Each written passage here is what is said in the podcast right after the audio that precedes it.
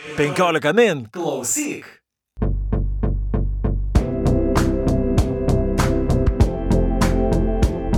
Sveiki gyvi 15 min skaitytojai ir klausytojai. Ir su jumis sveikinasi laida Perskaitimai. Ir kaip visuomet mes abu šios laidos vedėjai, aš Audrius Ožalas. Ir aš Juratė Čerškutė. Ir šį kartą su mumis yra redaktorė Rima Bertaševičiūtė ir vertėjas Paulius Jevsėjevas. Sveiki. Labą dieną. Ir e, šiandien mes pakalbėsime apie knygą, kuri, na, bent jau mano įsitikinimu Lietuvoje tikrai turėtų sulaukti didžiulio dėmesio. Tai yra Virginie Despant ir jos kūrinys Vernonas Subuteksas. Ir šią knygą išleido leidikla Baltos lankos. Na, apie šią rašytoją ir šią kino režisierę ir apskritai apie, galima kalbėti labai daug, nes ji, kaip jau ir dabar iškart pasakiau, kad jinai yra ir, ir filmų režisierė, ir, ir rašytoja, ir, ir, ir labai E, galima būtų pasakyti, įsimintinai ir labai daug atgarsio sulaukianti feminizmo kritikė. E, ji pradėjo savo karjerą kaip rašytoja, išleidusi savo romaną, kuris vėliau buvo ir ekranizuotas ir jis, šis, šis filmas sulaukė labai didelio ne tik atgarsio, bet ir labai daug įvairių prieštaringų reakcijų, nes jisai pačioje Prancūzijoje buvo uždraustas ir kiek aš žinau, kad ir kai kuriuose šalise iki šiol dar yra uždraustas ir mes galbūt irgi apie jį pašnekėsime. Vėliau jos kūriniai E, vėlgi sulaukdavo didelio atgarsio, tačiau būtent ši trilogija Vernonas Subuteksas, e, apie kurią mes šiandien ir kalbėsim ir kuri dabar išleista lietuvių kalba ir sulaukė pasaulinio įvertinimo. E, ši knyga pateko, pirmoji, pirmoji šios trilogijos dalis pateko Man Booker International trumpai į sąrašą ir ši knyga, ši trilogija irgi buvo ekranizuota ir apie ją labai daug kalbama. Žodžiu, iš tikrųjų tai knyga tapo įvykiu ir kodėl tapo įvykiu, kas yra kalbama šioje knygoje, mes šiandien ir pakalbėsime. Tačiau pirmasis klausimas turbūt būtų Pauliui. Kaip tavo rankas pateko ši knyga ir kaip sužinojai apie šią autorę? Uh, aš tiesą sakant, sužinojau tiesiog gavęs pasiūlymą versti. Uh mhm. uh, nežinojau iki tol jos. Uh, tiesiog gal aš neseku labai atidžiai to, kas vyksta prancūzų literatūroje. Kartais pasidomiu, kartais ne. Ir daug praleidžiu. Gal dabar pradėdamas daugiau versti, daugiau gal pasidomiu dažniau, bet žodžiu, tiesiog sužinojau iš gavęs pasiūlymą iš leidyklos. Man buvo naujas atradimas. Ir iki tol nematė nei filmų, nieko apskritai. Tiesiog ne, buvo visiškai, ne, visiškai nieko nežinau. Taip. O, o Rima, kaip tau? Man labai panašiai. Aš dar iš pradžių sužinojau iš Pauliaus, kai jis jau vertė tą knygą ir papasakojo, kad, kad verčia knygą, papasakojo, kad jinai labai jokinga, ten papasakojo kelis epizodus. Aš paskui pasiskaičiau anotaciją namie, pagalvojau, kad šio jokingo žmogus netenka darbo, išmetamas į gatvę, yra visokie vargingi žmonės pristatomi, nesupratau, kodėl jinai tokia galėtų būti linksma ir, ir buvo keista. O paskui leidykloje, kaip ir, kaip ir Paulius gavo pasiūlymą versti, aš gavau jau e, pasiūlymą arba e, prašymą redaguoti šitą tekstą ir, ir taip kažkaip ir susipažinom. Su, Dabar aš turbūt įsijungsiu į pokalbį, autorė. tai tokį nešiu dar asmeninį asmeninė išnaša, man labai smagu matyti Rimą ir Paulių. Ir tada, kad mes kartu drauge kažkada seniai sėdėdavom profesoriniai. Tai, bet e, šiaip e, įnešiu savo įnašą apie Depant tą, nes aš kažkaip labai seniai žinau šitą knygą.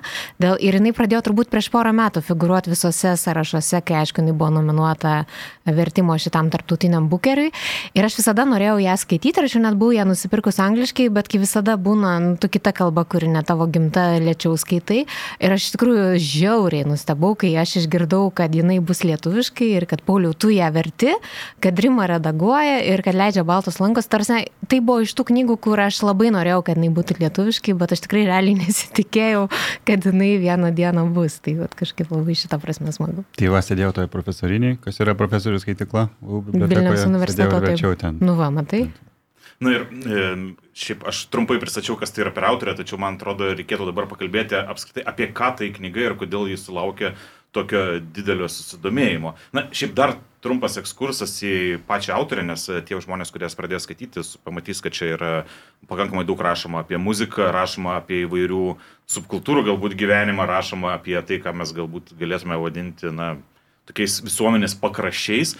Taip pati autorė, jos gyvenimas irgi buvo na, pakankamai spalvingas. Ji pati buvo aktyvi pankroko judėjimo narė, jinai rašė e, muzikos apžvalgas, e, jinai neslėpė, kad jinai dirbo ir sekso darbuotoja, ir, ir, ir apžvelginėdavo pornografinius filmus. Ir visa tai labai aiškiai atsispindi šioje knygoje. Tai galbūt e, galima būtų ir pakalbėti apie ką ši knyga, apskritai koks, koks yra sužetas, sužetinis pagrindas.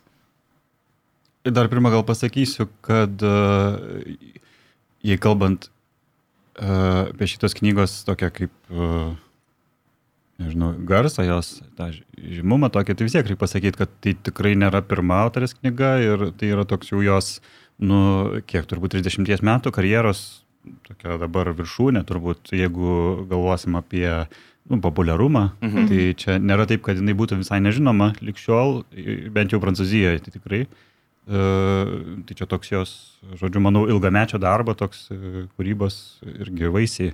Tačiau man atrodo, kad būtent šitą knygą pasaulinėme lygmenyje taip, tikriausiai, taip, man atrodo, taip. Bet be abejo, jos knygų, man atrodo, Prancūzijoje parduota kiek milijonas egzempliorių, mm. ne, tai jau tikrai negalima kalbėti apie, kaip apie tokią undergroundinę autorę, tikrai ne. Ir aš beje žinau iš savo pažįstamų, kurie gyvena Paryžiui, kad tie, kurie jau perskaitė visą Wallbacką, jie staiga dabar metėsi ant Depant ir daugmaž ir vaikšto cirkuliuoja tokios rekomendacijos, kad jeigu tau patinka Wallbackas, tai tu turi skaityti Viržinį Depant, bet aš manau, kad mes dar truputį pašnekėsim apie tą, kaip jų, juos galima, ar tiksliau net gal negalima lyginti, bet yra va toks keistas, kad aš jaučiu, kad nu, ir Prancūzijos dabar irgi taip ant bangos ir tokia madinga pasidarė būtent su šitą trilogiją. Taip, bet galbūt visgi grįžtume prie siužeto, nes kol kas mes jau prašnekėm, bet nepasakėm apskritai apie ką tai šitą knygą. nes kažin ar taip įmanomas vienu sakiniu pasakyti. Na, bet bent jau, bent jau kažkoks, kokia yra siužetinė pagrindinė, pagrindinė linija. Nu, čia toks, e, man kartais atrodo truputėlį gal truputį kaip pikareskinės toks pasakojimas, tipažinis e, apie, žodžiu, buvusi e, muzikos įrašų pardavėją Vernoną Subuteksą, kuris uh, ir jo, jo draugus, pirmiausia, įvai, labai įvairius jo draugus ir, ir žodžiu, tam Vernonui apie tai, kaip jam nesiseka eilę metų ir kaip galiausiai tiek jau nesiseka, kad jis netenka namų. Nu, ir tada jisai keliauja pas savo buvusius draugus visokius ir pas juos ten, kaip sakoma, skvotina, bando kažkaip tai išsilaikyti tam paviršiui, nu, paviršiui visuomenės, ta prasme, kad ne, ne, nenusiristi į patį dugną, bet, bet iš principo tai jeigu žiūrėti vien istorijos, tai tokios siužeto pagrindo paties, tai jis yra apie tai, kaip jis rytasi į, į dugną šito pirmoje pirmoj dalyje. Jo, būtina pabrėžti, kad tai yra trilogijos pirmoji dalis. Taip, tai mes, žodžiu, nuo pradžių sekam pirmoji daly nuo Vernono dar savo būte, ten e, iki to, kur jisai jau pabunda ant soliuko e, gatvėje, kažkur ant kalvos ir apžiūri Paryžių. Tokie vat nauji namai.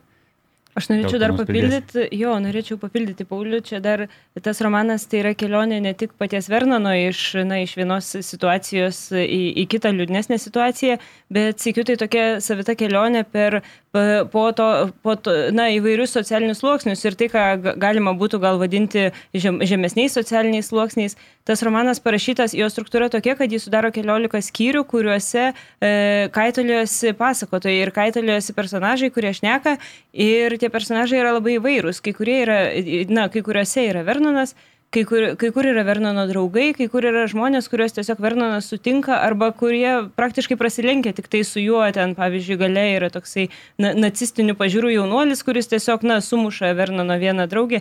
Ir, ir, bet jis irgi gauna savo skyrių, jis gauna progą išreikšti savo pažiūras, papasakoti, na, ne, ne papasakoti, bet tiesiog pristatyti, o mes gauname progą pamatyti. Tai čia tokia kelionė ne tik, ne tik vieno personažo per gyvenimą, bet sėkiu kelionė po, mūsų akimis po skirtingų žmonių gyvenimo atkarpelės, tokias atplaišelės. Jis daro įspūdį iš tikrųjų didelį. Taip, bet atplaišelės ir dar, kai, kai visi tie balsai kalba, jie žmonės tie, kurių balsais rašoma, jie papasakoja apie save nemažai, tokios Taip. truputėlį kaip netiesioginės kažkokios autobiografijos, mhm. kaip žmonės, iš kur jie ateina, ką jie kada patyrė ir panašiai. Aš tai žinot, pagalvojau, kad šita knyga yra, kadangi čia beje labai kritikuojamas internetas, tam tikrą prasme kritikuojamas, kita vertus Vernonas visus savo ryšius ir ėjimus pas tuos bičiulius uh, kabutėse sudylina per Facebooką. Tai aš pagalvoju, kad šita knyga yra kaip Vernono Subutekso Facebooko burbulas ir iš esmės mes turbūt apie to žmonės sužinom tiek, kartais būna iš tikrųjų kas nors pakomentuoja, tu nueini jo profilį, tu matai, kur ten gyvena, kur mokėsi, ne? Ir čia aišku, taip aš metaforiškai sakau, bet man visa šita istorija yra kaip toks, vat, Nes Vernonas iš esmės subūrė tos visus žmonės ir mes matom visą tą jo lauką. Ir man, pažiūrėjau, įstrigus istorija ten vienos merginos gėlės, man atrodo, kuri tiesiog vogė plokšteles iš Vernono e, parduotuvės, net ne visai ir draugė. Bet kitas, aš gal dar taip irgi įsiterpčiau papildydama, kad man tai sikiu ir yra romanas apie skirtingas Paryžiaus apygardas, nes tie visi socialiniai sluoksniai kažkaip skirtingai gyvena ir aš iš tikrųjų, pavyzdžiui, sako gatvės pavadinimą ir aš eidavau skaitydama į Paryžiaus žemėlapį pasižiūrėti, kad aš suprasčiau, tai kaip jisai čia marširuoja po tą miestą, kad jis ten staiga iš 19 apygardos metasi kažkur į Latinų kvartalą, nu tarsi tos judėjimas per visą miestą miestą visų, visų platumu. O ir dar turbūt nepasako muzikos, bet apie ją čia apie reikia atskirą, atskirą klausimą formuluoti. Tai man atrodo, kad daugelis kritikų, kurie kalba apie šią knygą, apibūdina ją kaip nuopolio, tokią knygą apie nuopolį, o kartu ir tam tikrą visuomenės portretą iš tikrųjų, nes mes kalb, matome šitame romane, kaip jau ir paminėjot, įvairiausius sluoksnius, nuo, nuo, nuo kaip jūs sakote, dešiniųjų kraštutinių iki, iki, iki, iki muzikantų, iki, žodžiu, įvairia, pačius įvairiausius sluoksnius, tačiau visus juos vienyje tai, bent jau man skaitant, tai pasirodė, kad na, visiems tiems žmonėms gyvenimas kažkaip na, nepasisekė, ar ne? Tarkim, jos visi, visi kažkokiu traumų kamuojami. Tai, prasme, tai nėra laimingo Paryžiaus, laimingos Prancūzijos paveikslas. Tai yra kaip tik gal tokios, na, sugniždytos kažkiek, ar ne? Man, man kažkaip užsifiksavo, kad nors žmonės labai skirtingi ir jie kartais priešinami, atrodo net ir ta, pagal materialinę padėtį, pagal savo gyvenimo situaciją, bet man, man skaitant įstrigo, kad, kad, ten, kad jie turi labai daug arba gal nedaug, bet raktinius vienijančius momentus. Pavyzdžiui, yra keli epizodai, kai skir, irgi skirtingi žmonės, jie netenka, patiria tiesiog netekti ir skausmingai išgyvena. Ar tai būtų motina, kuri prieš keliasdešimt metų neteko sunaus ir vis dar negali atsigauti ir vis dar gyvena juo ir ten kasdieną jo laukia, ar tai būtų benamė, kuri neteko šuns ir jos skausmas yra visiškai nemažesnis, ar tai būtų kitas žmogus, kuris ten nekenčia benamių ir nori čia visus benamius e, pasmerkti ir nežinau, ką jiems padaryti, bet jis irgi netekė šuns ir jis kažkokiu būdu išsikalba su ta netekusia šuns bename ir staiga jie supranta, kad jie tiesiog tame skausme jie yra vienodi. Ir man kažkaip to, tokie vat įstrigo, kad kad, na, tokie vienijantis dalykai, e, kai, kai apie juos galvoju, tai tarsi atrodo, na, bent jau kurį laiką, kad ta socialinė situacija, kurioje jie visi yra skirtingose, jinai yra gyvenimo aplinkybės, bet yra tokie bendri dalykai, kurie žmonėms vis tiek, kurie žmonės išgyvena ir gali susijungti per tai arba nesusijungti. Bet, bet įmanoma, tokia viltinga kažkaip, va, ta prasme. Nu, gal ne visiems ten yra ir tokių šustresnių personažų, e, kaip tarkim tas e, Loranas Dopalė, kuris yra kino produceris, Taip. ten dominuojantis visiškai Taip. kino produceris, kuris užsima ten visok, daugybę ten išvardyje visokiausių e, konsultantų jis ten turi gerovę savo, nu ten visokių coacherių, psichoterapeutų, visokių daugybę bet žmonių. Vis tiek nelaimingas žmogus viduje bet, iš esmės. Bet jisai tuo praktiškai užsima, nu, kad darytų iš savęs tokia kaip mašina, kad, mhm. kad vis, nu, kaip sakant, tas asmenybės tobulinimas tam, kad tu dar labiau nugalėtum visus, o ne tam, kad tau kas nors tu ten ieškai, kaip išspręsti kokią nors problemą, e, bet tiesiog, kad būtum galingesnis dar. Mhm. Tai yra tokių žmonių, yra hiena ta, kuri tokia irgi, e, nu, tokia atsveria gal šiek tiek tie personažai, kurie yra e, aktyvus ir tokie gal uh, netokie pažydžiami, ne visi tokie o pažydžiami. Jums atrodo, nes iš tikrųjų daug kur ir pristatant, aišku, mes turbūt turim vėl primintą išlygą, kad mes kol kas kalbam tik apie pirmąją trilogijos knygą, e, bet daug kur aprašymuose tas vienas iš pagrindinių siužeto variklių yra, ar ne, kad miršta Vernono bičiulis, kuris iš esmės traukdavo jį ir mokėdavo už jo būtą, e, Aleks, Aleksas Blyčas, ar ne?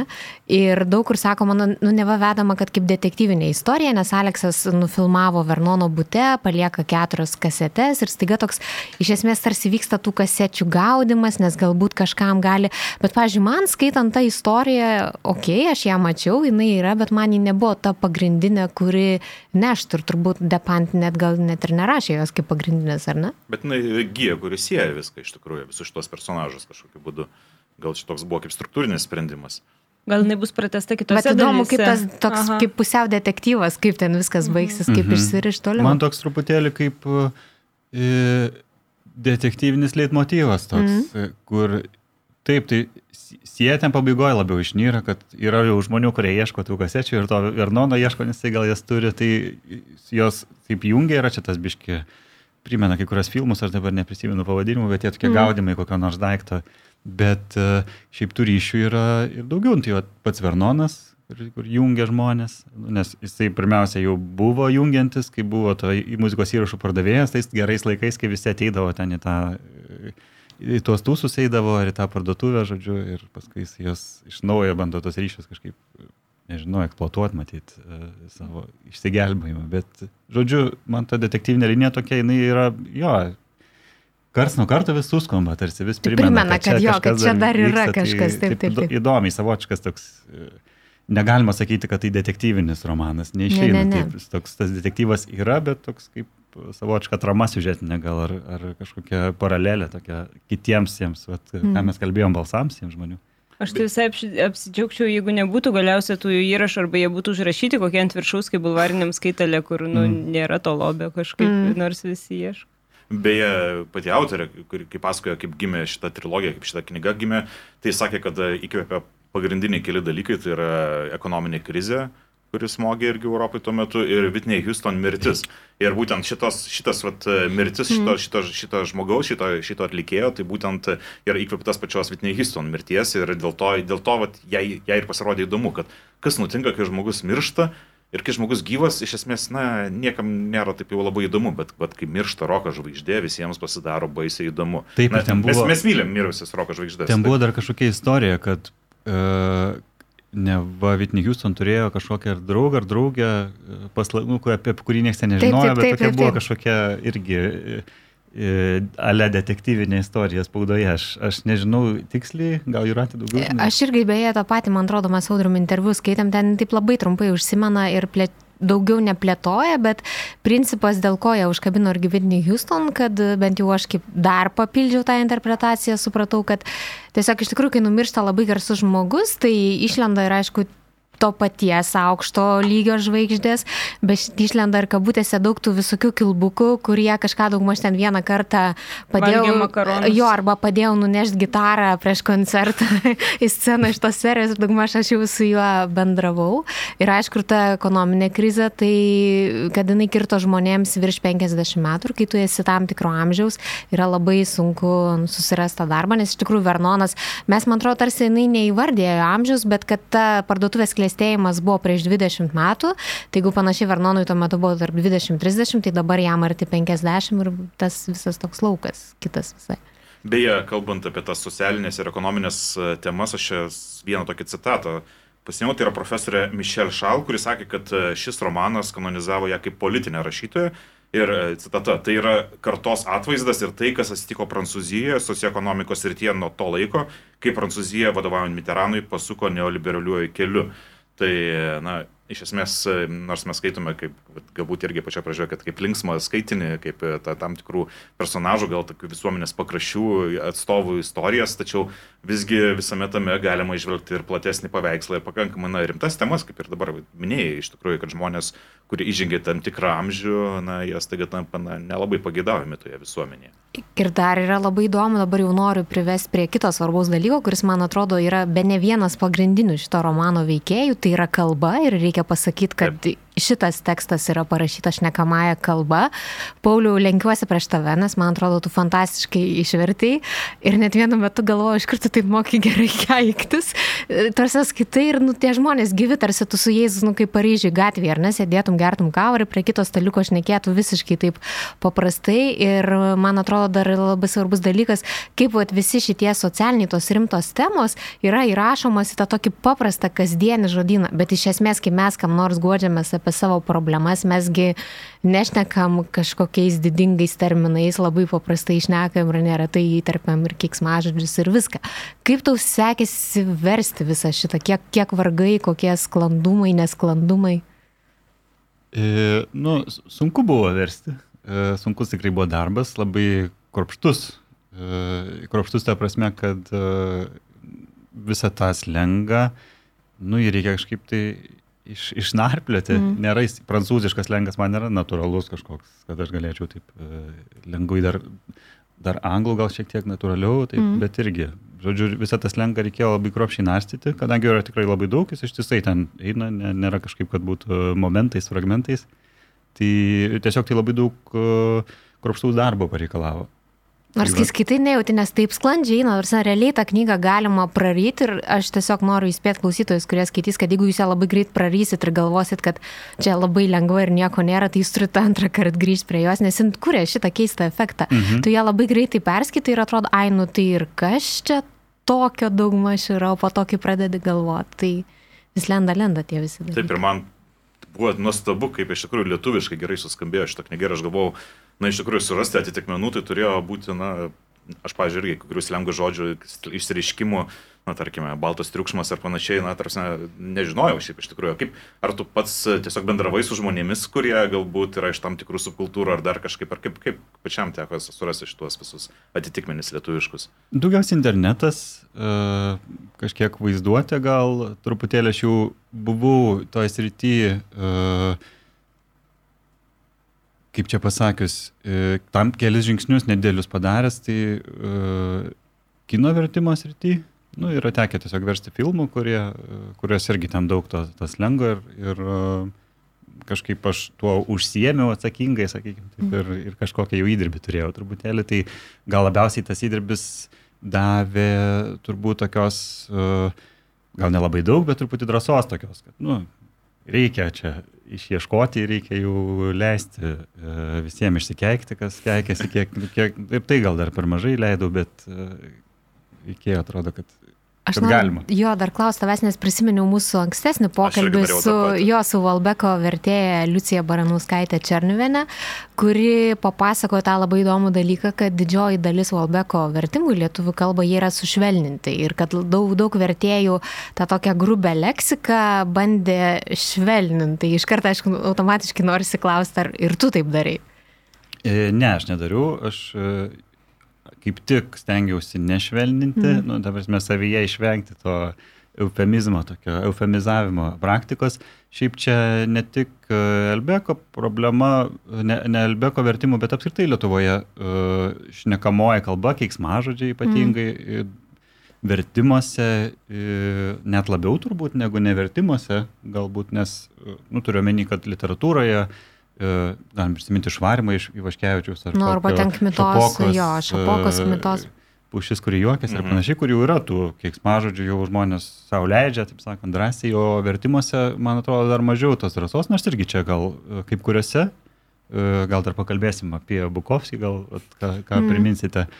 Tai, bet žodžiu, yra toks vis tiek dar dažnai būna tarsi tokio eufemizuojami tie keiksmažodžiai. Nu, skaitai, matai, kad yra kažkaip sušvelninti, atrodo, taip, nu, taip nesako žmonės, taip nekalba, ne, neskamba, nėra to efekto. Tai, e, tai va, tai aš e, kaip tik labai sąmoningai e, ir sakau, man kartais atrodo, kad gal dar per mažai savo leidau tos tokios mm. drąsos, tai labai sąmoningai kaip tik stengiausi nieko nešvelninti ir kiek įmanoma išieškoti ir kad, nu, nežinau, man buvo tas gal iššūkis parodyti, ne tik, kad parodyti, bet perteikti iš tikrųjų, nu, depant šitam romane, tas šnekamoji kalba tiek mažodžiai, tai ir yra jos kalba ir mm. kažkokiu būdu tai veikia e, kaip literatūra, kažkaip jinai atradusi tą literatūrinį slengą, kuris, nu, čia ne tai, kad atradusi ten, pas juos yra daug senesnė tradicija, aišku, čia nėra...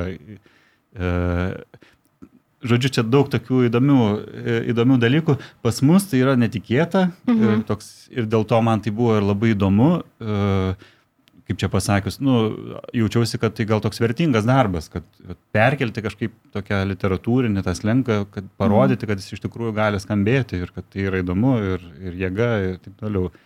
Tai iš tos šiuo atveju prancūzų literatūros, kurioje, nu, jos yra specifinis, e, tikrai labai įdomus, labai žavus, bet tai nėra pirmoji, kuri rašo slengų mm -hmm. Prancūzijoje. Čia... Rima, o tau kaip redaguojant, ar beje, jūs turėjot kažkokių įdomių diskusijų dėl, nežinau, vieno kito žodžio, keiksmažodžio kokio nors, ar ko atvelniai rautų? Kažkokių turėjom, aš nebepamenu. Man labai patiko, kaip Paulius įdėjo zebą, galėjau ten kažkur visai tas žodelis. Iš pradžių man buvo labai, na, nu, kaip savotiškas įspūdis, nes vis tiek paprastai, kai pasiemi tekstą redaguoti, tai atsiverti, matai iš karto ten koks stilius, tada supranti, mm. kaip čia reikia toliau dirbti. Ir aš atsiverčiau ir žiūriu, oho, toks stilius viena vertus yra šnekamasis, antra vertus jis labai organiškas ir labai, na, nu, labai toks gyvas. Ir iš pradžių galvojau, kad čia nieko nebus ką taisyti, ką aš čia tiesiog perskaitysiu.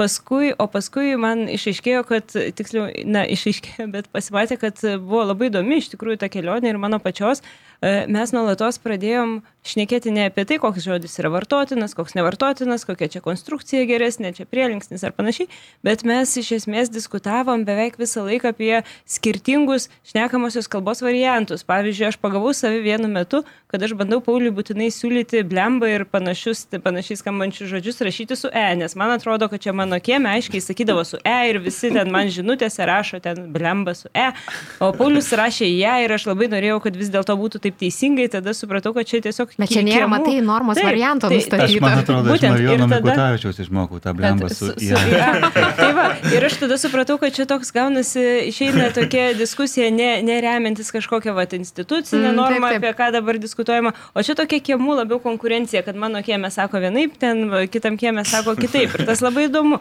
Ir paskui mano draugė irgi skaitė šitą knygą ir jinai man pasakė labai įdomu irgi dėl kalbos tokią pastabą.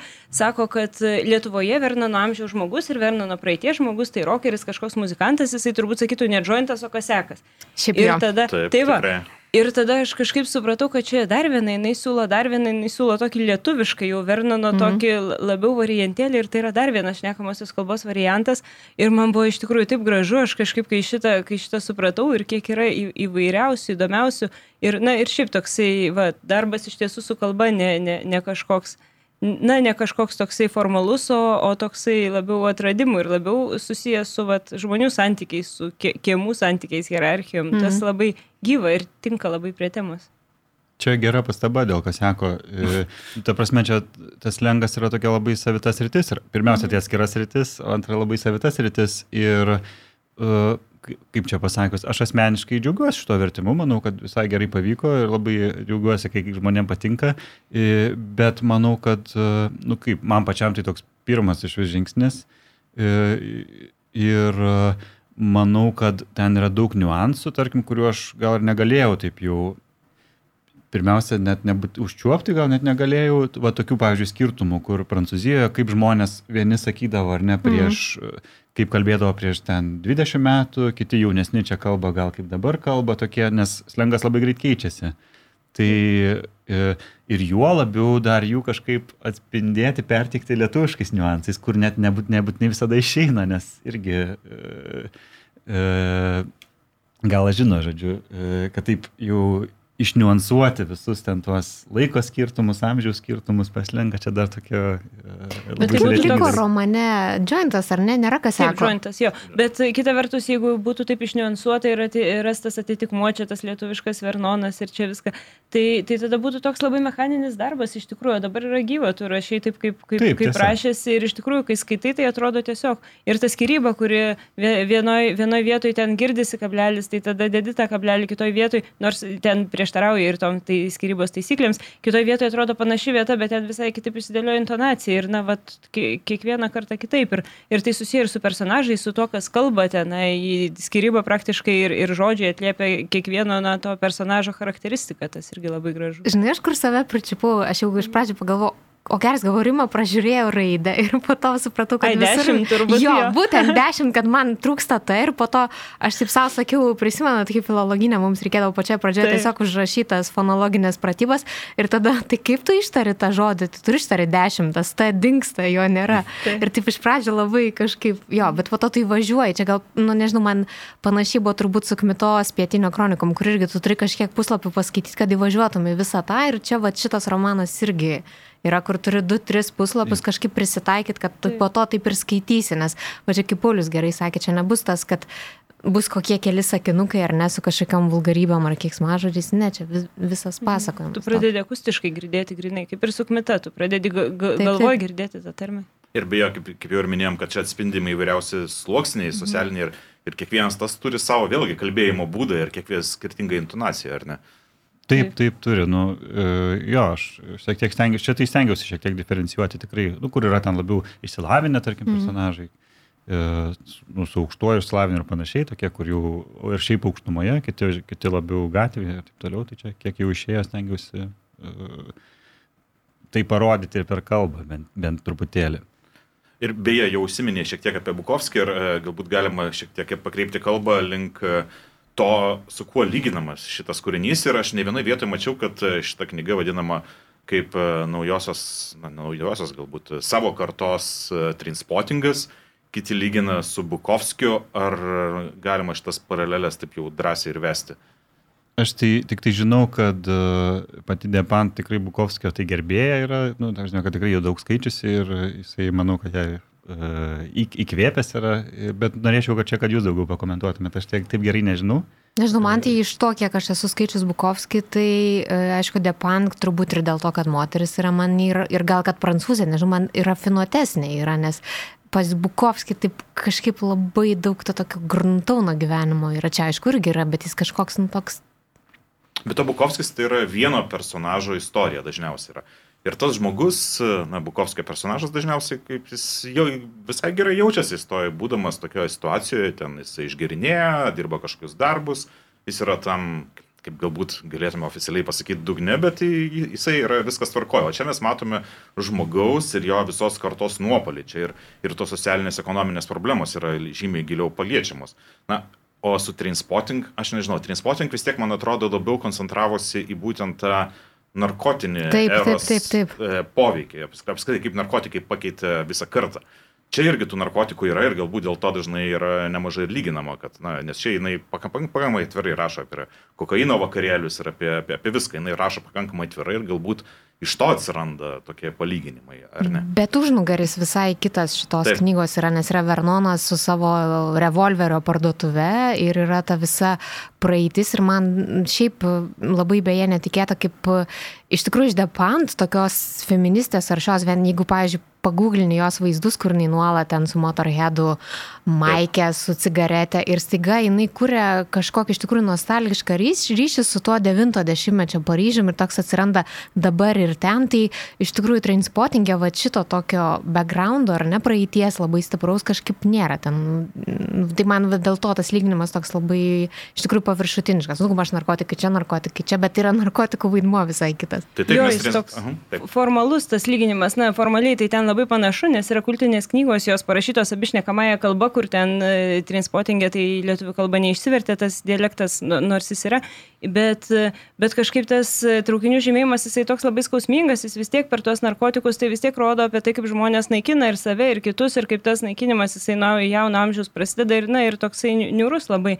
O kažkaip, o šitoj knygoje Vernonė, tai man jinai tokia labai, na, jinai turi, va, kaip, kaip tu sakai, Juratė, jinai turi tokį, tokį, aišku, labai idėjinį pamušalą, tokį labai politinį ir tokį revoliucinį, iš tikrųjų, kaip jinai stengiasi sutikti jau, ką jinai, aš nežinau, ar jinai pati tą sako, bet toj savo feministiniai knygoje, kai jinai daug kalba apie tą suteikimą balso tiems, kas šiaip neturi balso ir iš mhm. tikrųjų šitoj knygoje su Butekse kalba ir porno žvaigždė, ir benami, ir taip pat verslininkas, milijonierius ir taip skirtingiausi žmonės, kuriuos šiaip mes galbūt mes čia jau tokiais įsivaizduojami, mes linktume stereotipizuoti, šaržuoti, kažkaip vaizduoti kitaip, taip kaip mes įsivaizduojame, panašiai. O čia iš tikrųjų jie patys kalba ir jie nėra, na, nėra niekaip karikatūrinti. Tai čia tas toksai, na, man, čia man tas atrodo toksai politinis užmojis, kurio, na, kurio, vat, tokiuose knygose, kurios labiau gal susitelkia egzotika, kaip tas traukinių žymėjimas, na, skausmo egzotika, jos kažkaip, na, bent netaip stipriai turi išreikštą.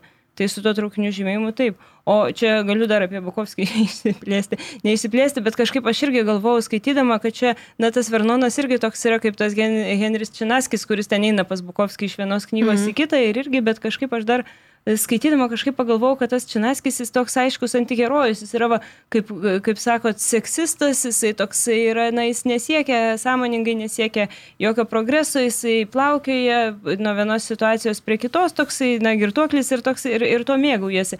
O kažkaip Vernonas man šitam kontekste jis atrodo, kad jis nėra antiherojus, iš tikrųjų, nors, nors jisai patiria tą materialinį nuosmukį, labai aišku, jisai netenka namų, jisai galiausiai turi sėdėti parke ir turi atlikti tą veiksmą ištiesimo rankos, kai jam turi mesti tą pinigėlį į tą ištiestą ranką, bet jisai iš tikrųjų tokio vidinio nuosmukio tai kaip ir nepatiria, jisai išlieka toks, na, sugebantis e, save pamatyti šalies, sugebantis stebėtis ir ten tokie gražus yra epizodai, ypač mane tas paveikė, kai, kai jisai aprašo tą patirtį, kai jisai sėdi parke ir, na, ne jisai aprašo, aišku, bet aprašoma, kaip jisai sėdi parke ir jis turi iš tikrųjų atlikti tą gestą, jis turi ištiesti mhm. ranką ir tada jisai pradeda matyti, kaip jisai atrodo su tai ištiesta ranka, jis pradeda matyti, kad jisai pats mato kitaip žmonės, jisai nebežiūri jiems į akis, jis žiūri jiems į batus, jisai kitaip reaguoja į pažįstamus žmonės, jisai mato, kaip viskas keičiasi. Jisai ta prasme, jis, na, na, jis nėra iš tikrųjų toksai plaukiotojas, jam, jam vis dar lieka kažkokia nuostaba.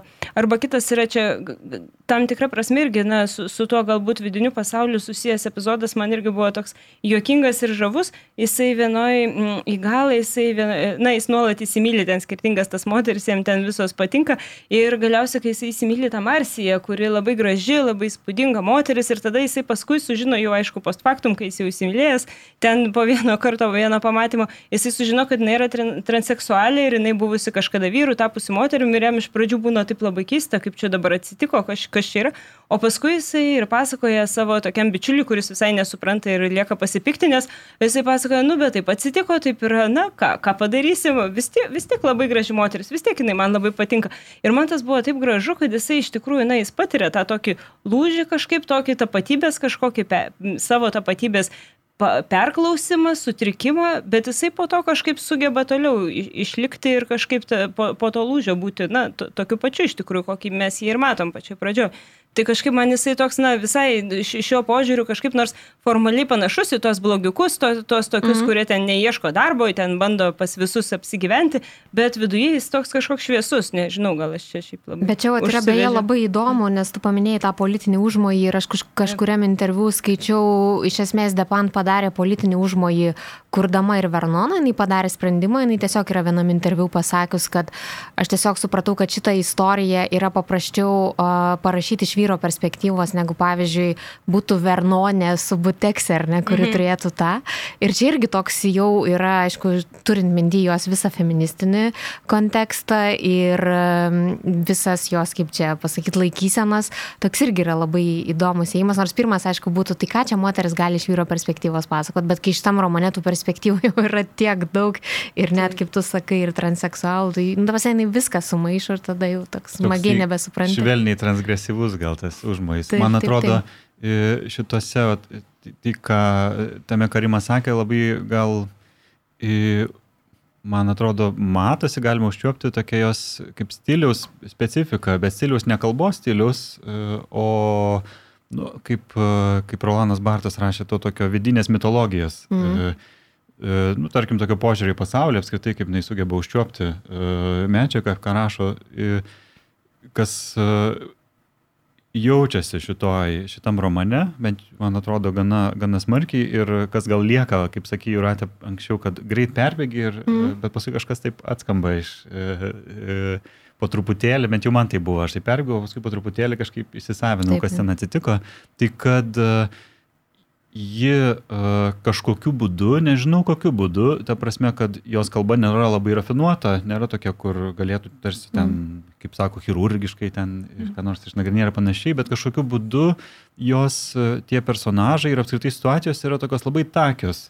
Labai jos, ne, nes, jie nesustingsta į, į kaip sakyti, tokį antiheros, pavyzdžiui, mhm. vaidmenį, kad uh, jis bus dabar toks visą laiką. Nu ne, jis visą laiką kažkoks toks uh, niuansuotas, truputėlį vis biški keičiasi, vis biški pasirodo, čia biški blogas, biški geras, biški toks, biški graudus, biški piktas, biški, nu, ištisai viskas taip mirguliuoja. Taip, ir, ir man atrodo, labai ne visi, visi gal taip gerai pavyksta personažai, bet uh, kai geriausia, kai pavyksta, tai tas labai spūdinga, iš tikrųjų, kiek daug uh, niuansų jinai kažkaip sugeba situaciją atrasti ir taip juos išrašyti kažkokio tokio, nežinau, nežinau kaip pasakyti, taip, e, nežinau, nerandu dabar žodžio, bet labai niuansuotos tos situacijos ir tie personažai, jie taip vis, vis mirguliuoja tarsi. Bet gal ne visi ir turi pavykti. Ten, pavyzdžiui, kur yra tas e, irgi vienas iš Vernono pažįstamų smurtautojas, kuris, kuris na, pasakojama, kaip jisai mušė savo ir žmoną, ir kankino vaiką, ir kažkaip jisai nepatiria iš tikrųjų jokio lūžio, ir jam tas, nors jo iširo šeima nuo jo paties smurto, jisai kaip ir supranta, kad čia negerai, bet jis, jis toks nuoseklus iš tikrųjų yra, jam vis tik atrodo, kad čia nu, problemos sprendimas ir, ir, ir nieko nepadaryti padarysi. Bet šitas Taip. personažas labai geras, aš beje pasirašiau pastabą, kad jis dabar galėtų būti geltonųjų lėmenių vadu ir kas mane nustebino, kai jinai kūrė šitą patrisą, aš gal pričiupau save, kad neprisimenu, kada literatūroje skaičiau ir šį beje visa, per visą šitą knygą eina, jinai geba labai tiksliai išrašyti pyktį. Jinai, jinai ne tai, kad Taip. labai labai tiksliai charakterizuoja personažus, vad kaip Pauliu, tu sakai, ten taip kažkoks mirguliavimas labai atsiranda, ar ne niuansai tokie, kur tu vat, pasako vieną sakinėlį ir tu iškart jau, jau pajauti charakterį to personažo. Tai Patrysas man toks įsimintinas tuo savo pykčiu ir aišku, tada pyktį jisai suveda, aišku, su ta a, politinė a, laikysena, ar ne, kur jisai cituoju, jeigu atmesiu smurtą, kada galėsiu pasijaus padėties šeimininkų, rimtai klausiu, kasgi gerbs dresuotą proletarą, citatos pabaiga.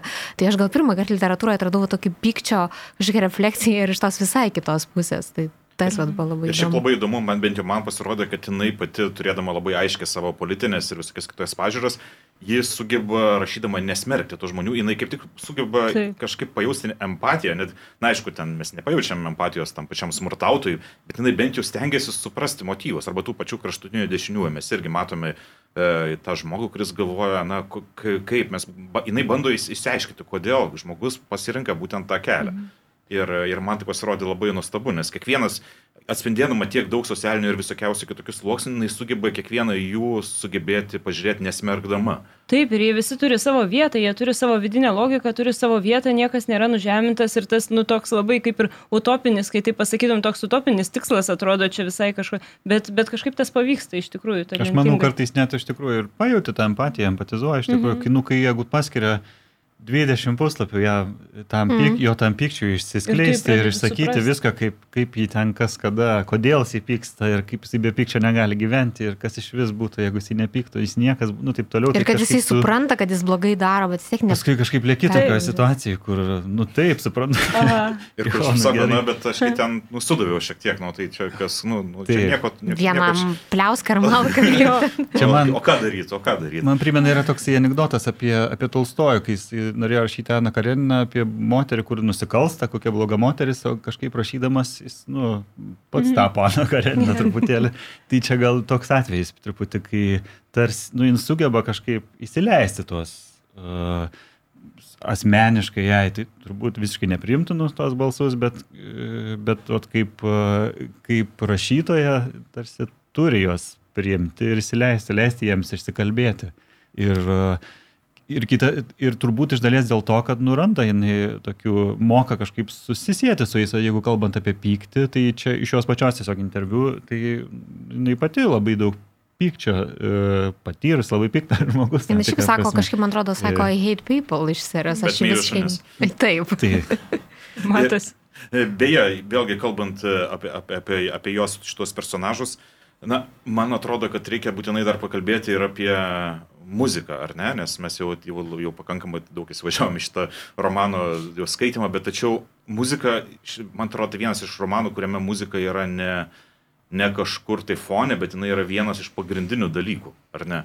Ar, ar galima būtų su to nu, sutikti? Nes... Man atrodo, aš dar pratesdamas jau ką anksčiau kalbėjom, tai pirmiausia, e, sakyčiau, kad muzika yra kalboje labai smarkiai šito, mhm. šitam mm -hmm. romane. Tokia, Ir kas įdomu labai, tai kad uh, tai yra specifinė muzika.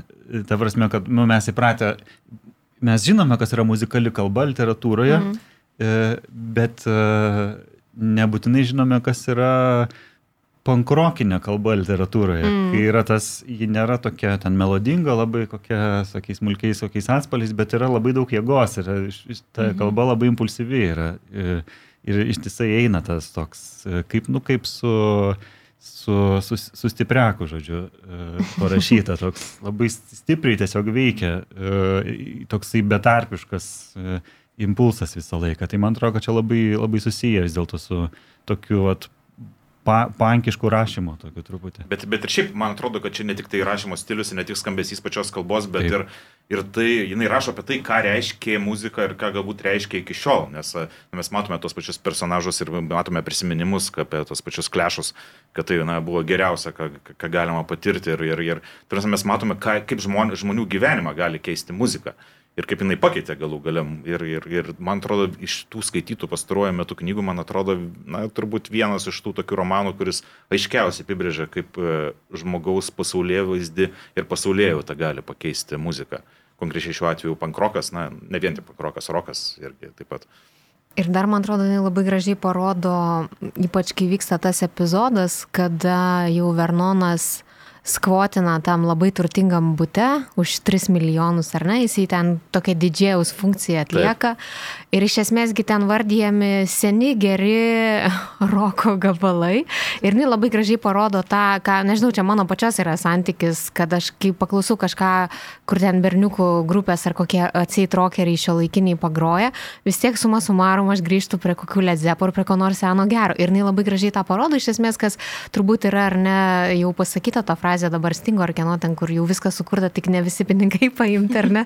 Ir labai gražiai parodo, kad tose taip, tas šio laikinis jaunimas viską, bet uždedi jam seną gerą roko ar pankroko gabalą ir jiems viskas išneša juos į kosmosą. Beje, ten groja ir nuodės ir kaip taip, žinia, taip, taip. E, liūdnos lemties grupė, kuris mhm. Bertranas Kanta, kuri irgi Prancūzijoje irgi, kaip žinau, kad skaitosi uh, gero tono ženklų nemėgti jos, bet jisai uždeda nuodės ir visi ten šėlsta pagal šitą muziką.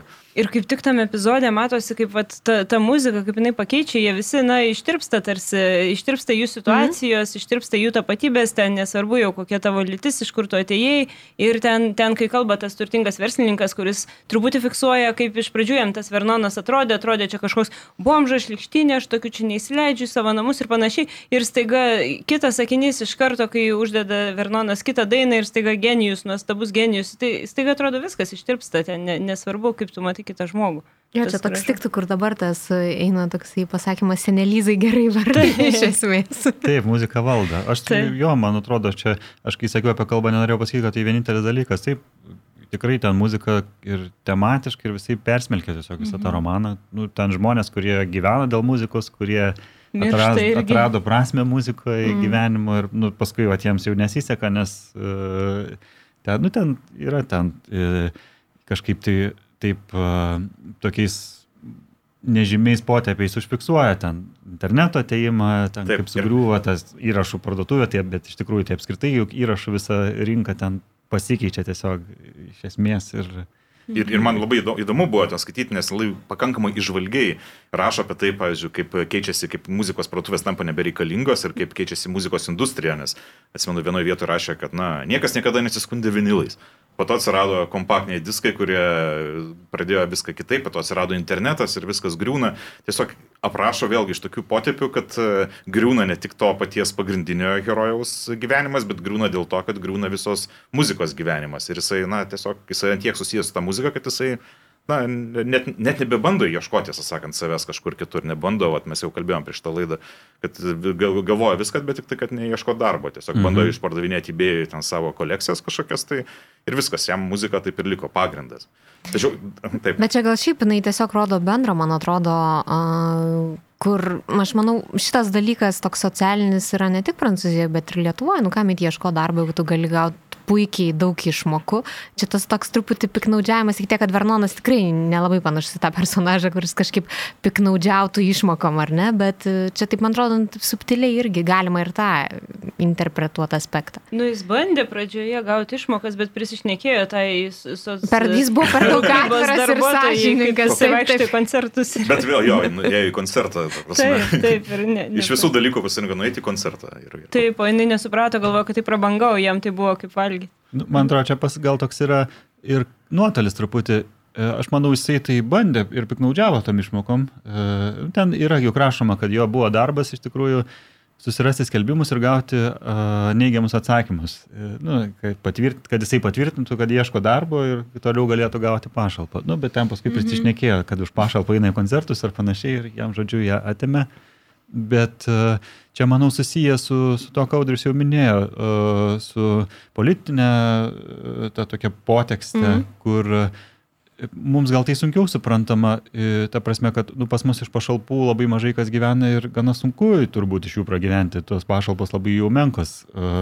O Prancūzija vis tiek, nu, ta vadinama gerovės valstybė, ta, tik, ta tikroji gerovės valstybė, ne, ne, ne, ne fantazijų gerovės valstybė, kur uh, nu, tai būdavo kažkaip įmanoma mm. prasisukti, taip sakant, gauni pašalpą, gal ten, nu, kaip prašo ten, gauni pašalpą, parašai kažkokiu apžvalgu biškiuti, dar kažką taip dalyvauji truputį ir prasisuki. Bet paskui, uh, nu, čia susiję, ką, ką jau minėjot, su krize, taip toliau, ta politikos pokyčių, to ne, neoliberal, neoliberalios vadinamos politikos ateimu ir taip toliau, kad taip uh, siaurėja tie varteliai, per kuriuos galima kažkaip uh, pra, prasprūsti. Žiūrėkit, aš noriu dar grįžti prie vieno klausimo. Vakar uždaviau ir iš tikrųjų daug kur recenzijose apie ją yra taip labai didingai sakoma, kad jinai vadinama pankrokinė 21 amžiaus Balzako ar Emilio Zolė versija ir jinai laikoma iš tikrųjų šio amžiaus realistė.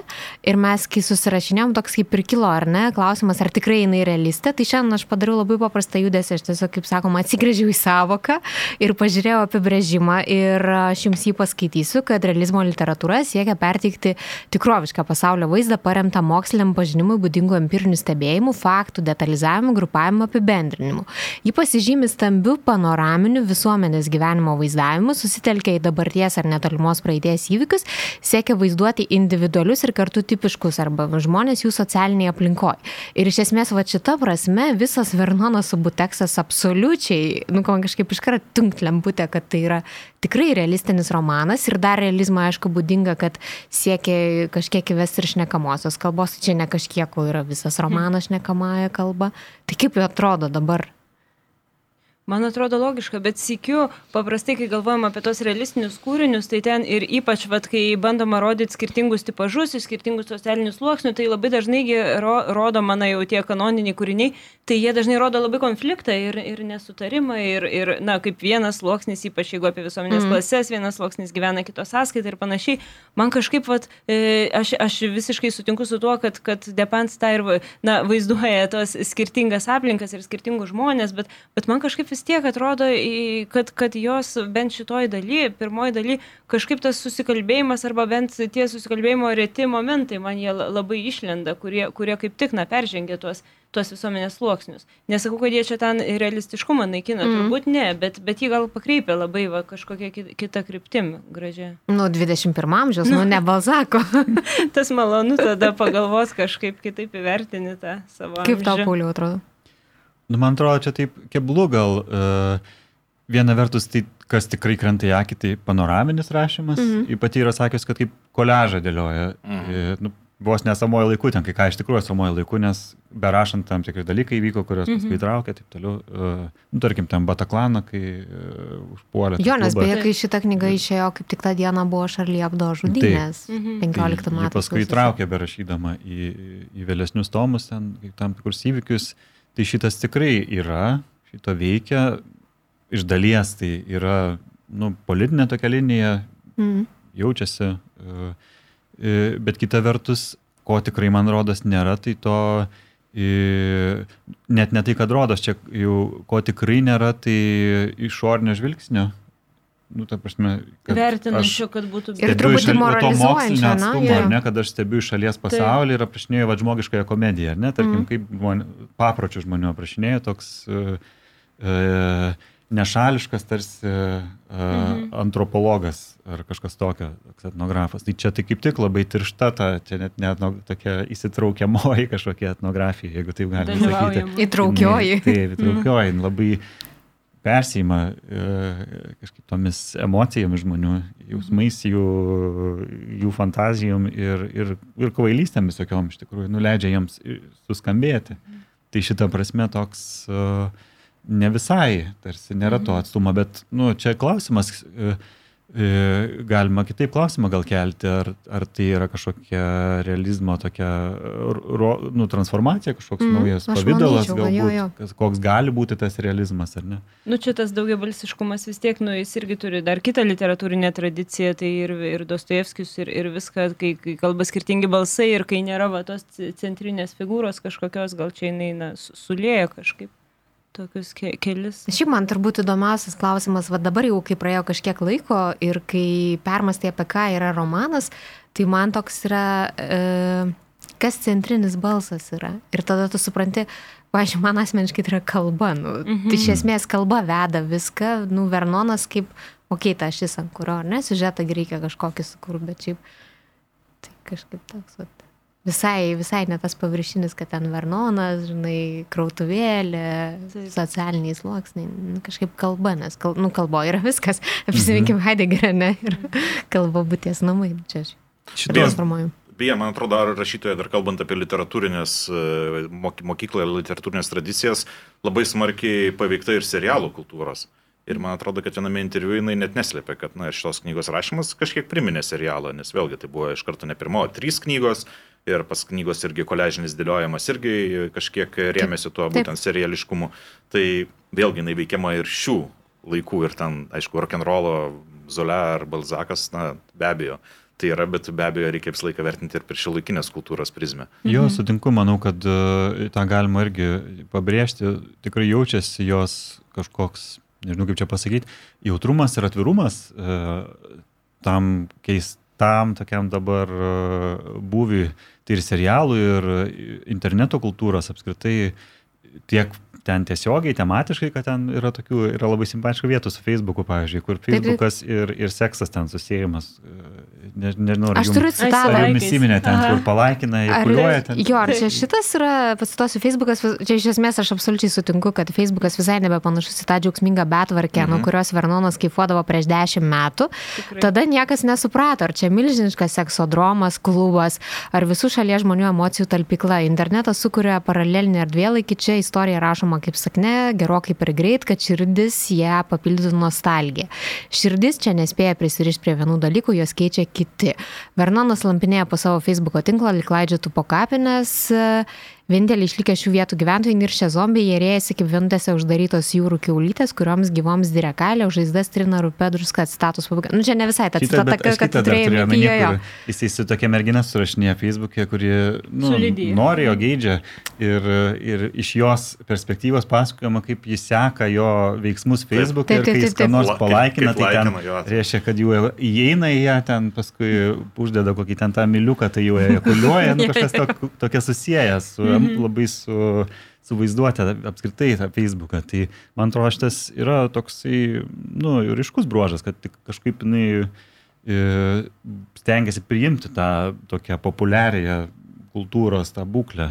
Beje, kalbant, apie, beje, kalbant apie populiarią kultūrą, ir Juratė, tu jau minėjai apie jos tai pagrindinio personažo pasirinkimą, kad e, jinai pasirinko vyrą, o ne moterį. Ir jinai sakė, kad vyrą pasirinko todėl, kad žmonėms bus, e, ji įsivaizdavo, kad žmonės labiau galės uh, pajaus empatiją labiau vyrui ir, ir kad jie atleis, nes jeigu tai būtų moteris, būtent taip besirinanti dugną, visi sakytų ją pasmerktų, o štai vyra, na, jos nuomonė priim, priim, priima geriau skaitytojai.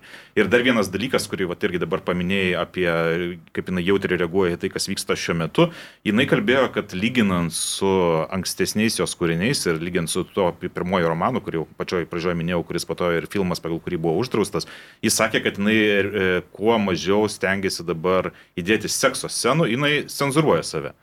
E, ir nesako, kad na, dabar, dabartiniai kultūrai, jeigu aš vėlgi rašyčiau taip kaip anksčiau, tai mano knygos vėl būtų ten draudžiamos, vėl jos e, būtų kalbama, kad jos specialiai provokuoja ar panašiai, jinai kažkiek prisitaiko prie šių laikų ir eina į tam tikrus kompromisus visgi. Nors mes skaitome knygą kaip pakankamai atvirą ir pakankamai tokią, na, rašančią apie viską, ji pati sako, kad tai yra, na, kompromisinis variantas vėlgi. Ar e, tai šiaip iš tikrųjų nežinau, šiaip aišku, galbūt skaityti vis kitus kūrinius ir kad būtų galima palyginti.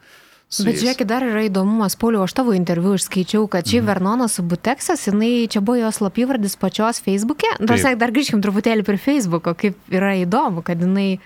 O jinai dabar pati kažkaip aš nebėje nepatikrinau. Taip, nėra sakiusi, kad jos buvo slapyvardis. Neprisimenu, kokią progą, ten, man atrodo, filmą kažkokį tai uh, dar, mm. nu, jinai pastačiusi yra kelis filmus ir berots tai buvo, kad, nu, norėjo sekti, kas vyksta ten filmo klausimais ir turėjo kažkaip tai prisijungti prie Facebook ir turėjo tą slapyvardį. Tai da, šiaip pati, man atrodo, jinai nedalyvauja Facebooko gyvenime, bet matyti supranta, kas tai yra. Nu, šiaip juk yra net ir panašumo kaip čia pasakius, nenori, čia nėra ne, ta, ne tas pats ir čia gal labai įdomu, kaip literatūriškai čia gal padeda net mums truputį gyventi, nes tie balsai, nu, kai liejasi balsas, ten viską išsako, ką galvoja, taip toliau šiaip labai primena Facebooką, Twitterį, ką tik tai nori, kur žmonės lieja savo visus fantazijas ir daugiau nieko ten nevyksta. Tai tik tai tiek, kad ten viskas yra tokia betvarkė, nes ten daugybė, nu, fragmentiška viskas, tokia, gali išprotėti, o čia tokia suteikia tarsi literatūrinę formą tam, kažkaip dar sugražina biški prie, e, nu, prie balso arčiau tą, tą norą išsisakyti, išsilieti.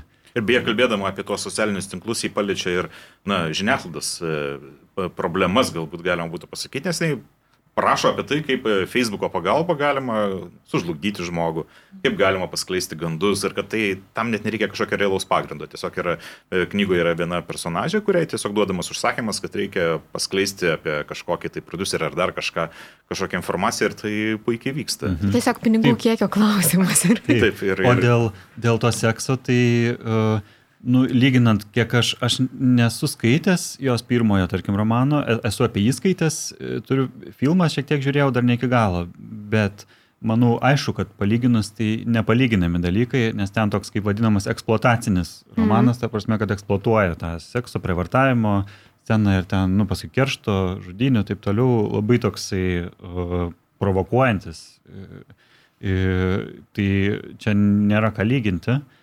Nežinau, įdomus klausimas, man rodas, nu ten Prancūzija šiuo metu seksas yra tokia, kaip čia pasakius, kovos laukas truputėlį. Nu, turiu menį mytių, kur ten tai nesibaigia niekas. Pas mus baigėsi, ten tikrai nesibaigia. Ir prisiminkim Depant ir... kalbą šiemet po Cezariu, kai Cezarį gavo Polenskis ir kai Taip. viskas, ir jinai parašė labai labai aštrų tekstą. Taip, ir e, aš vakar kaip tik baigiau skaityti tokios e, Vanesos Pringora knygą, e, vadinasi Consentement, sutikimas turbūt čia ta tokia mhm. teisinė prasme ir mm. toliau, kur ji... Ten, žodžiu, visa knyga, dabar jau suaugusios brandžios moters apie tai, kaip būdama 14 metų, 14-15 metų, ten turėjo romaną su rašytoju, ten, kuris iš to pelnėsi literatūrinį Ai, čia tas skandalas, kur eina, kur dabar labai taip, labai garsus taip, rašytojas. Tai, taip, žodžiu, taip. ten labai, labai vyksta, man atrodo, toks aktyvus gyvenimas šitą prasme, labai daug yra visokiausių nu, įtampų, svarstymų, minčių, mhm. mes čia tokia mažutėkinė, kitaip, iški, gal mums atrodo. Tai ir tai susiję vis tiek, man atrodo, su, kaip čia pasakius, tam tikrai yra uh, gal ar permastymas tikriausiai tų 68 metų tam tikrų vertybių, nu, tos, tarkim, seksualinės laisvės, nu, draudžiama drausti.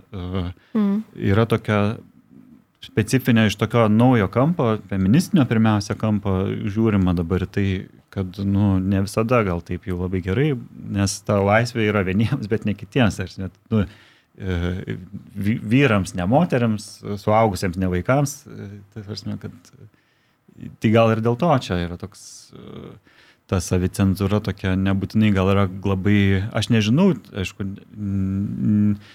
bet gal ji nebūtinai yra tokia vienareikšmiškai, kad tiesiog draudžiama rašyti apie seksą, nes nėra draudžiama. E, kita vertus, ten vat, pernai premiją gavo Prancūzijoje romanas, šiuo autorės pavardę, e, bet apie tai, apie jos patirtis, kitos autorės apie patirtis būnant prostitutė. Mhm E, toks, Bet čia beje, va, aš tai... beje norėjau klausti apie feminizmą Depant ir aišku apie tą jos feministinį manifestą King Kongo teoriją, 2006 metų tekstas, kur, nežinau, man atrodo, kaž, kažkaip mūsų kultūroje jisai per daug nefiguruoja ir šita prasme turbūt Depant būtų tos vadinamos feminizmo trečiosios bangos atstovė, nes trečioji banga yra nuo 90 iki 2010, taip grubiai, ir kur akcentas tos visos bangos tekstų buvo į moters kūniškas patirtis, tai yra e, prievartavimai, seksualinis išnaudojimas, taip toliau ir panašiai. Tai čia šitą prasme Depantra kaip tokia atrodo pagal aprašymą rašanti Kaip, kaip jums atrodo jo, visas tas feministinis kontekstas? Kaip tik norėjau irgi papildyti Paulių, kad vat,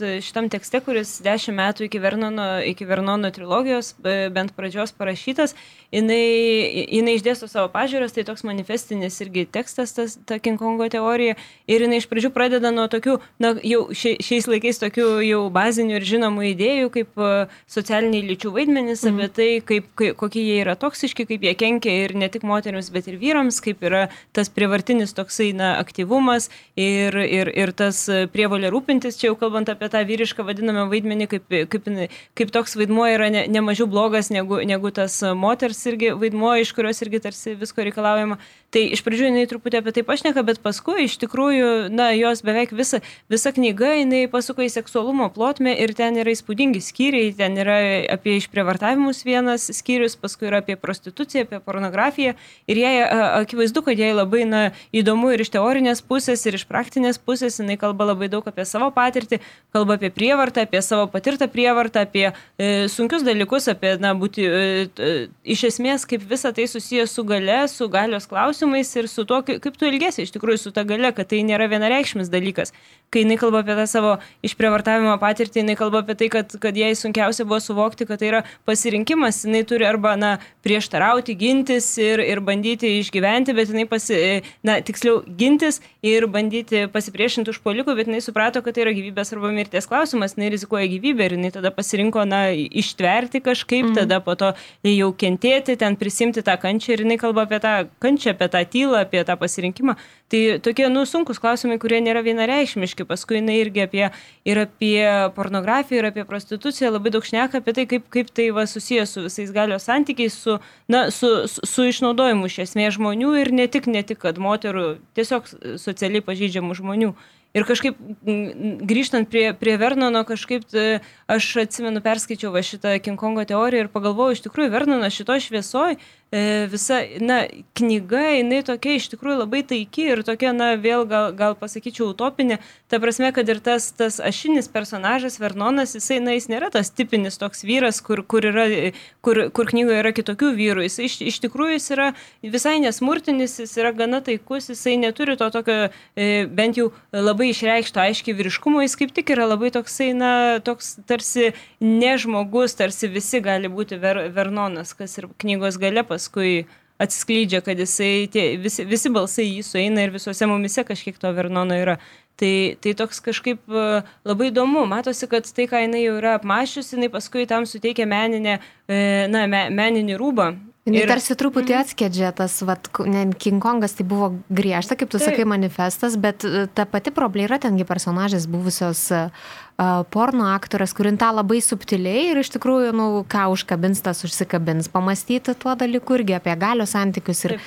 tą išnaudojimą, bet ten jau toks jausmas rimtai, kad jinai kažkaip švelnina vat, Vernonė tuos visus dalykus, kuriuos jinai šiaip turbūt kaip aktyvistė, nu tikrai labai žymiai aršesnė kalba ir retorika pasisako. Jo, bet ta porno žvaigždė dar plus yra pasirodo tai vis, visiškai toks, na, biogra, autobiografinis motyvas, nes jinai kalba labai daug toje knygoje apie savo tą filmą Bezmoa, kurį jinai režisavo, jis buvo uždraustas dėl, dėl to pornografinio turinio, bet jinai kalba apie tai, kad jinai e, ko režisavo tą filmą su porno žvaigždė, su aktorė Karoly Trinti ir jinai kalba apie tai, kaip ta jos kolegė, kuri na, kartu su ja dirbo, režisavo, kaip iš tikrųjų jinai buvo visą laiką priimama kaip tiesiog porno aktorė mm. ir jinai visiškai buvo nepripažįstama, kad jinai galėtų būti režisierė, iš jos niekas neėmė jokių interviu, o ten tuos kelis kartus, kai paėmė interviu, tai parašė, kad kalbėjo Depant, o ne ta jau aktorė, kuri tinkama atseit būti tik tai porno žvaigždė. Ir jinai, na, grįždama, iš tikrųjų, grįždama prie tos idėjos suteikti balsą visiems ir, ir, ir tiems, kas mes numanytume, gal jai labiau patinka, galbūt mažiau patinka, iš tikrųjų dinksta tas skirtumas, visi, visi gali kalbėti.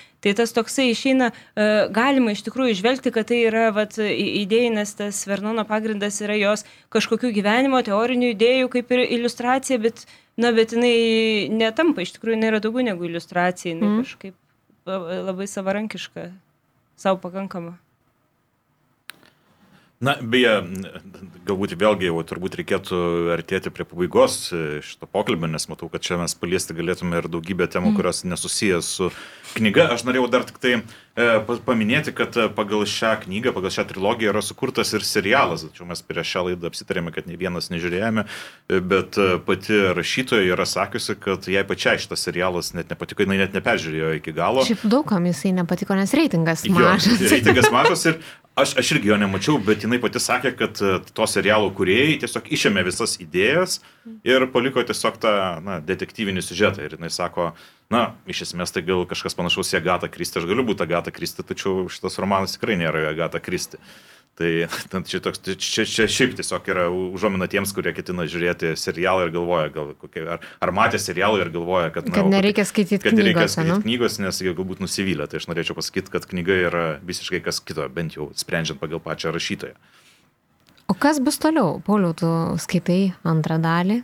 Taip, skaitau. Lab, ar labai skiriasi nuo per kiek jau esi? Dar labai nedaug perskaičiau, negaliu, e, negaliu pasakyti iš tikrųjų.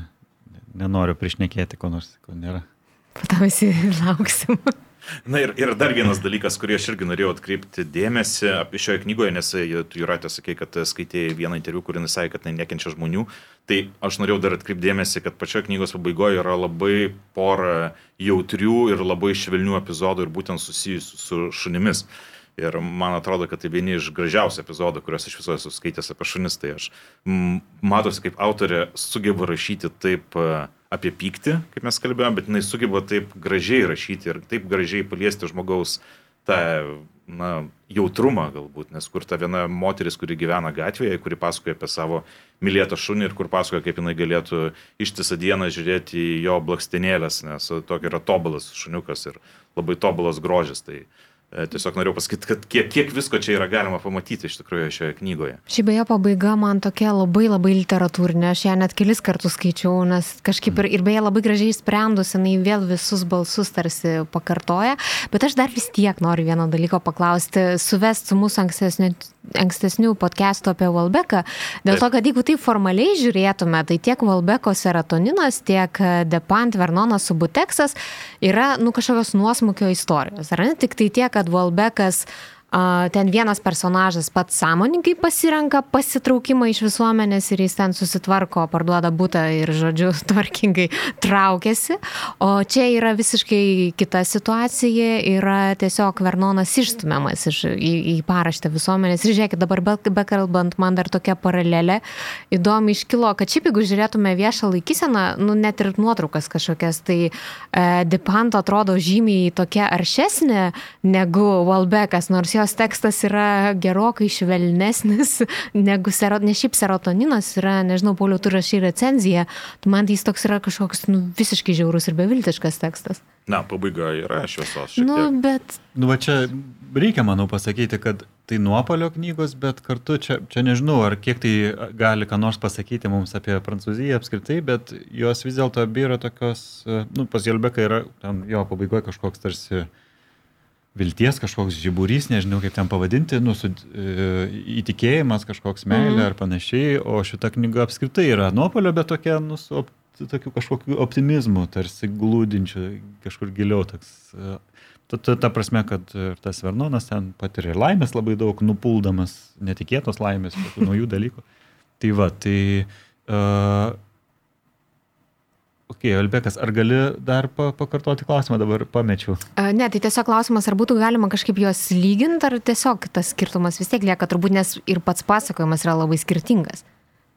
Man atrodo, kai mes neturime labai daug iš ko rinktis, tai labai įdomu lyginti. Nu, ta prasme, kad uh, turiu omeny, gal yra ten Prancūzija daug, daug šalia jo, mes vertimų daug neturim. Taip, taip. Matytume, kad čia daug niuansų, bet kai mes šiaip lyginti, man atrodo labai įdomu gal net kažkaip iškalbėti, nu, man pačiam tai patinka juos lyginti ir nežinau, pirmiausia, tai man atrodo uh, Helbeko, tai jeigu aš galvoju muzikiniais terminais, man Helbekas yra tokia simfoninė poema ir, ir tokia, nu, taip, su daug tokio niuri tokia simfoninė poema, truputį gal, nu, nežinau, visko biškai gal kaip Šostakovičius, koks ir panašiai, kur. Uh, O, o Depant, aišku, yra nu, toks pankroko koncertas. Tai labai yra tas įdomus nuopolis. Ne nuopolis, atsiprašau, o nuotolis. Bet kartu man labai įdomu, kad, nu, man atrodo, vis dėlto tikrai labai, labai jų tie tokie muzikalūs autoriai. Prasme, aš, bet čia gal mano idėjosinkracija tokia, nežinau, bet tarkime mane Holbeko irgi labai žavi gebėjimas kažkaip tai valdyti tą emocinę tokią modulaciją, mm -hmm. tokią medžiagą per didžiulę apimtį ir kažkaip iš, tiek išauginti ir tiek padaryti, kad viena kokia nors detalė, jinai gali nuskambėti ten, nu ten kokį nors, nežinau, e, ką nors jis ten pažiūri internete ir tu iš karto kažkaip tiek yra tų virštonių obertonų, kad ten e, nuo to atskamba, kad, e, nu, tada taip visą laiką, nu, Elbekas veikia taip labiau niūriai, taip, bet O be, man, man pasirodė, bet jeigu kalbant apie jausenas, aš dabar vat, pagalvojau, kas man sėtų abu šios romanus, Valbeko ir šitą, tai e, nostalgijos jausmas. Mm. Ar, ar, ar nėra tokio, nes e, Vernonas yra labai tokia ryški nostalgija tiems laikams, kai viskas dar buvo muzikos pasaulyje gerai visą kitą, o Valbekas irgi jaučia nostalgiją ir, ir, ir irgi yra nostalgija tiems laikams, kuriais jis jautėsi kažkiek galbūt, na, nu, savo savas, mokslam, taip, taip, taip. Savas, galbūt visko buvo mažiau, bet viskas buvo tikriau, kuris kalba apie savo tėvus, kurie jautė kažkokią ryšį ir meilę, o dabar jisai nieko nesugeba. Tarsi toks jausmas, kad supriešinimas dviejų laikų. Tačiau, vat, kalbant apie Vernoną su Buteksą, man atrodo, dar irgi vėlgi reikėtų galbūt paminėti, kad man tai yra kaip tik ir odė tokiai kartos, visos kartos gal pralaimėjimui galbūt. Nors čia galbūt ir natūralu, gal kiekvieną kartą, kaip hipiai buvo, po to pra, tiesiog pralaimėjo, po to pankrokas irgi pralaimėjo. Tiesiog kartos visas toksai gal nuopolis arba galbūt natūralus. Bet aš taip tikiuosi, kad antroje knygoje Vernonas pakils iš pelenų ir to nuopolio nebus. Beje, beje, beje, man labai pasirodė įdomu, kad tas jo nuopolis į gatvę buvo toks labai staigus. Ir jums nepasirodė taip? O man kaip tik kažkaip atrodo, jis taip... Mm, nu, bet nu, vieną, dieną nu, jis didžiauja, vieną dieną jis didžiauja, visi tenais ten jo žavisi, ten visą kitą, kitą dieną jis sėdi gatvėje su gavęs talaus. Bet čia yra jo paties pasirinkimas. Mm. Taip, bet tai kažkaip... tai taip labai staigus tiesiog. Aš taip, ir aš taip galvoju, mėginu irgi įsijausti tą personažą, galvoju, na, va, štai ką tik tai buvai čia visi žavės tam.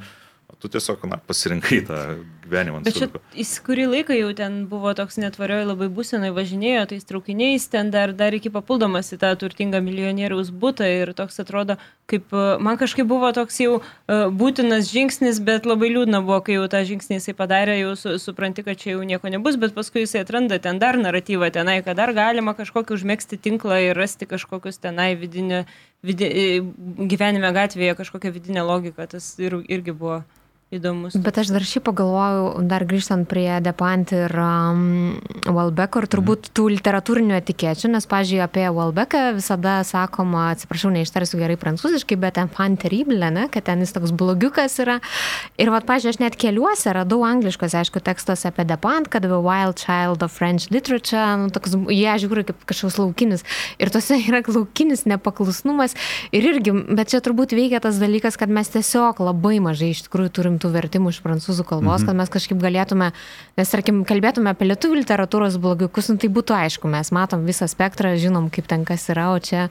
Ir, bet tiesiog labai kažkaip aš galvoju, labai gražiai sutapo, kad du tokie blogiukų etiketės iš esmės pamėnesiui tos knygos išėjo, kurios, kurios iš esmės ir net vėl kažkaip jo susiveda ir į tą Charlie Abdor, ne? Įvykį kažkaip, nes aš dabar neprisimenu, man atrodo. Šitą knygą pasirodė Vernonas Subuteksas kaip tik tą pačią dieną, kai buvo išpolis prieš. Bet ir kaip, A, jo, ten, kaip pasidavimas. Pasidavimas, irgi, taip, taip, taip. Pasidavimas irgi, žodžiu, ir vėlgi dar vienas sąsaja, kad irgi tuo mhm. pačiu metu pasirodė. Tai ir pavadinimai iki galų gale, tai Subuteksas yra tas vaistas. E, taip, taip. Narkomanams, e, serotoninas, nu ne vaistas, bet yra irgi ta medžiaga, kur ten jie įsvartoja, ten ta tai yra tokių daug tikrai sąsajų ir, ir skirtumų. Čia, ats, manau, kad net atskirai čia galima apie tai kalbėti, būtų e, tokia gana plati gal tema, labai, mm. do, labai įdomu. Ir beje, čia jau tikrai panu, iš mano pusės jau paskutinė pastaba šitame podcast'e, kad na, ir bent keli žmonės, e, kuriems rodžiau šitą knygą, jie pamatė viršelį, sako, čia mokslinės fantastikos kažkokia mm. knyga, nes toks, na, galbūt ne visai tradicinis viršelis, kaip galėtume įsivaizduoti pagal turinį, ar ne? Bet jis labai įsimintinas. Jis labai įsimintinas. Man atrodo, jis labai gal neįprastas uh, Lietuvoje. Pas mus gal tokios stilius kažkaip neretai būna. Ir mhm. atrodo iš tiesų, kad labiau fantastika kažkokia. Ir minėjote, kad čia originalus viršelis ir kad nieko nebuvo galima netgi keisti, ar ne? Taip, čia Taip. yra originalo viršelis. Taip. Na ir kągi, aš tikrai siūlau visiems skaitytojams, e, visiems e, klausytojams 15 min tikrai šitą knygą paimti į rankas, nes, na, iš tikrųjų, man bent jau buvo vienas įsimintiniausių kūrinių e, skaitytų pastaruoju metu ir tikrai, matote, beveik pusantros valandos kalbėjome ir kiek čia suradom klodų, kiek intertekstų ir kiek galima kalbėti įvairiausiais, įvairiausiais kampais. Na ir Dėkui tada pas mums šį kartą viešėjusis šios knygos vertėjui Pauliui Jevsėvui ir taip pat ir redaktoriai Rimai Bertaševičiūtėjai. Na ir kaip visuomet, laidoje buvome aš Audrius Ožalas. Ir aš Juratė Čerškutė. Gerų jums skaitinių ir susitiksime kitoje laidoje.